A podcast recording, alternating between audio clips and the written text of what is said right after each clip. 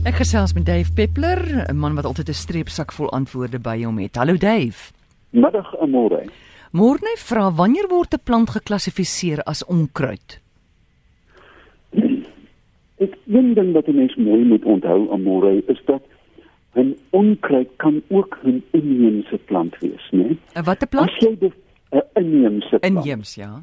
Ja, met ander woorde, as jy in die laafveld bly en jy oorbewy jou grond, dan sal swarthak, die alombekende swarthak ook in Namibië indring en so verdig dat 'n boerbok nie deur hom kan kom nie. Maar gewoonlik is 'n indringer 'n plant van buite die gebied. Met ander woorde, soos ons alom bekend is met Australiese die black wattles, jy weet wat ons wat ons rivierlope so inneem.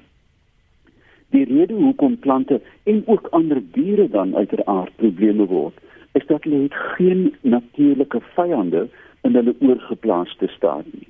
Met ander woorde, as jy 'n uh, blommetjie van Engeland hiernatoe bring, skielik is daar nie um, plante wat sy of diere wat sy blare vet nie.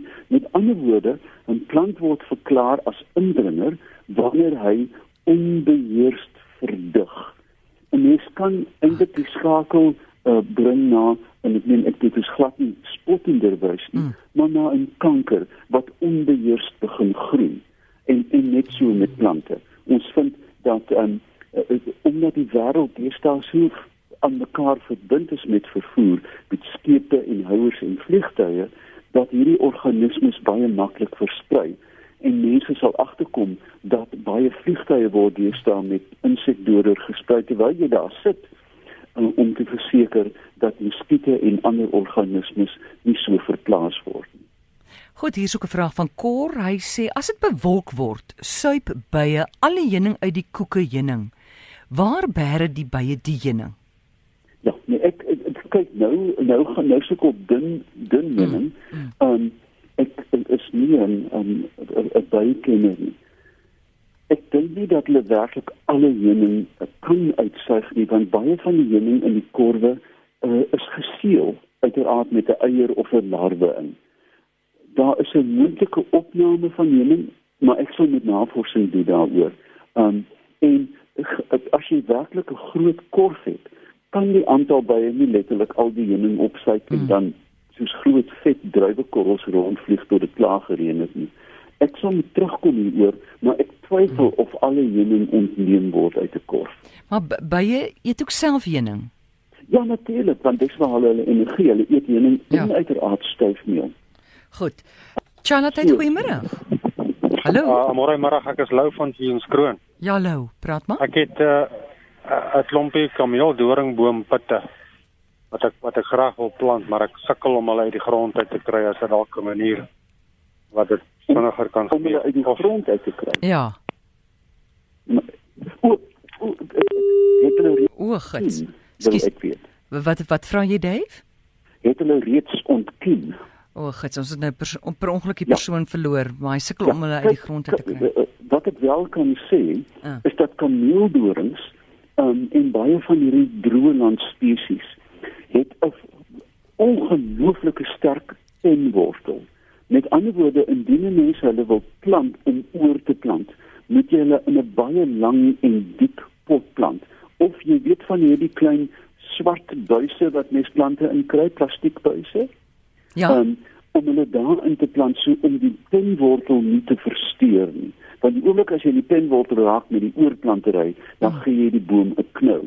So ek sou voorstel dat mense hulle of in plastiekpype of in die swart plastiek maar ek praat nie van 'n half meter nie. Ja. Uh, uh sodat die lang penwortel kan ontwikkel en hulle dan oorplant met hierdie penwortel in een stuk. 'n Vraag hier van Ludwig Venter. Hy sê langs die pad tussen Kimberley en Drie Susters is daar hordes muurshope aan beide kante van die pad en hulle is almal uitgehol deur sê maar ertvark of 'n muurvreter of wat ja. mag.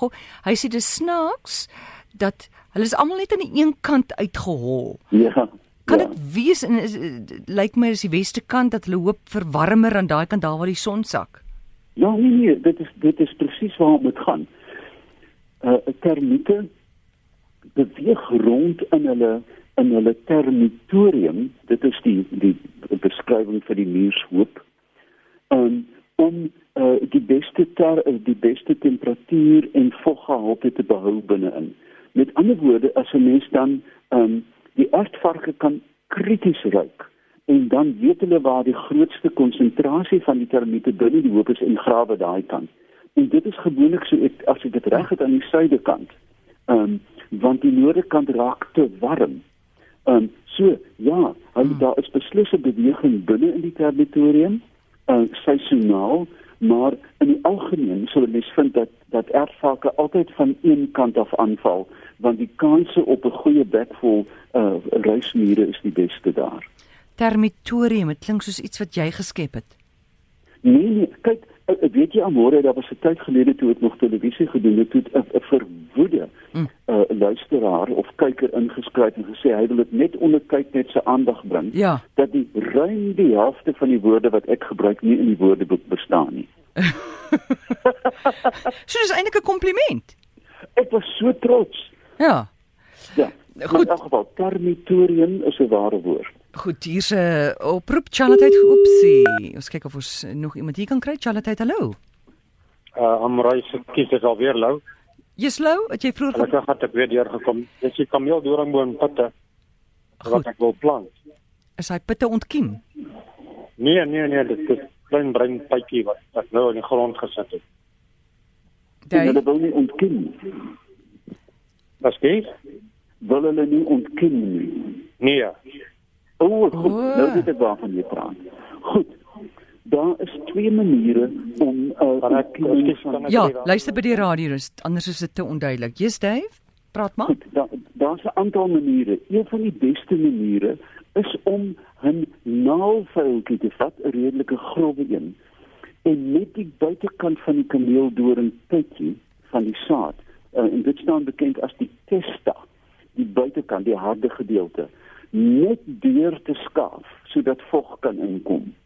En jy mens vind gewoonlik dat as jy een vir een die pypie vat, naalvuil vat of 'n gewone houtvuiltjie en net die testa breek, dan en dit dan op klam water sit. Jy weet soos ons boontjies in die venster gesit het mm. in die skool en wag tot hy dan ontkiem en hom dan plant. So dit gaan oor die die saadhuid wat baie ondeurdringbaar is en die oomblik as jy dit breek, dan ontkiem die saad maklik. Goed, Alta van die Weskus wil weet pofadder babas, daai babas wat gebore word, hoe giftig is hulle of wanneer gaan hulle giftig wees? Hulle is byna so giftig soos die volwassenes. Ek het met 'n groep studente um in jare toet was ek in behoop en toe kom een van hierdie jy weet die is daar Afrikaanse naam vir 'n jock. Nee, dit is so so sterk kerel met 'n kort broek en 'n dik nek en 'n en en en so 'n vrokkie wat die arms mooi wys. 'n Spiertier, ja. spiertier. So iets. Ja toe kom hierdie uh, simpel kind na my toe aangeloop met 'n klein pop wat ek sê ag moeder sê hy en toe hy nog hy wou sê kyk hoe mooi mm. toe byt die ding om in sy hand hy was vir 'n maand in die hospitaal hy is uiters giftig en die oomblik as giftige slange by die eier kom moet jy hom vermy want hulle gee vir jou 'n dodelike byt Sjoe. Dave, daar's 'n bekende man wat al heelwat boeke geskryf het oor slange. Ek het nou sy naam vergeet. Uh, Johan Murray. Ja. En hy sê in een van daai boeke en ek het ook al met hom 'n onderhoud gevoer. Hy sê as 'n slang jou byt, die eerste ding wat jy doen is jy maak 'n koppie tee. Ja, word kalm. Ja, hy sê wanneer as meer ongelukke wat gebeur in die in die die die oomblik waar almal so op hulle senuwees is en dinge so vinnig as moontlik probeer doen. Hy sê jy maak 'n koppie tee en dan gaan soek jy sê nou maar die nommer daar by die Tegerberg Hospitaal wat hulle het, jy weet, daai slanggifnommer vir mense wat gebyt word deur slange. Jy weet, jy vat dit rustig en jy besluit wat die volgende plan gaan wees. En ja, en dan stem saam. Ja. En dan help my gou met een ding. Jy moet blykbaar sien maar 'n slang byt jou in jou arm, jy of sien maar in jou hand. Daai gedeelte moet jy hoor as die res van die lyf hou, né, terwyl hulle met jou ry in die ambulans of motor. En môre dit hang uiteraard ook alles af van watter tipe slang jy gebyt het. Ek mm. dink die groot geheim is immobilisering. Moenie die ledemaat rond gebruik as jy kan nie. Sit dit in 'n ehm um, jy weet op 'n kussing op jou skoot. Uh, nie noodwendig hoor nie, daarvan weet ek nie, mm. maar moenie die ledemaat beweeg onnodig nie. Goed. Um, en moenie intree met tant Kitty van Graanse boereraad van 40 Harmans drup, uh, jy weet of uisterdruppels en uh, 'n teelepel suiker uh, en dan die die die vel van 'n swart kat op jou bors nie. Vergeet van daai goed kom by 'n dokter. Ja. Goed, Wilma sê sy's radeloos. Sy het vlermuise in haar huis se plafon en ja. sy sê ons mag hulle blykbaar nie doodmaak nie. Hoe kan ja. sy ontslaa raak van die lot? Amore, daar's twee maniere. Waar die vler, kyk as jy 'n vlermuis op jou plafon het, het hy eers ingekom. Met ja. ander woorde, die groot geheim is om die gate, die toegangsgate toe te maak as hulle nie daar is. Dit help jy doen dit in die dag nie, dan dat jy 'n dak vol desperate vlermuise. Maar die tweede ding wat jy doen, is om vir jou 'n vlermuis huis te bou en ek sal vanaand op my Facebookblad duitspetlop.co.za 'n baie eenvoudige plannetjie daarvoor maak. En dan trek die laaste vlermuis in jou dak trek dan in die huisie in en eet al die muskiete op. Nou, daar is pragtige voorbeelde in Creer Wildtuin dat hulle ewige probleme gehad het met vlermuise in die rondavels.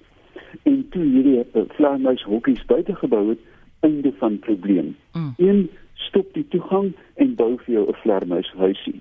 Dan sal ek vanaand die planne vir vir almal om te sien op my webwerf plaas.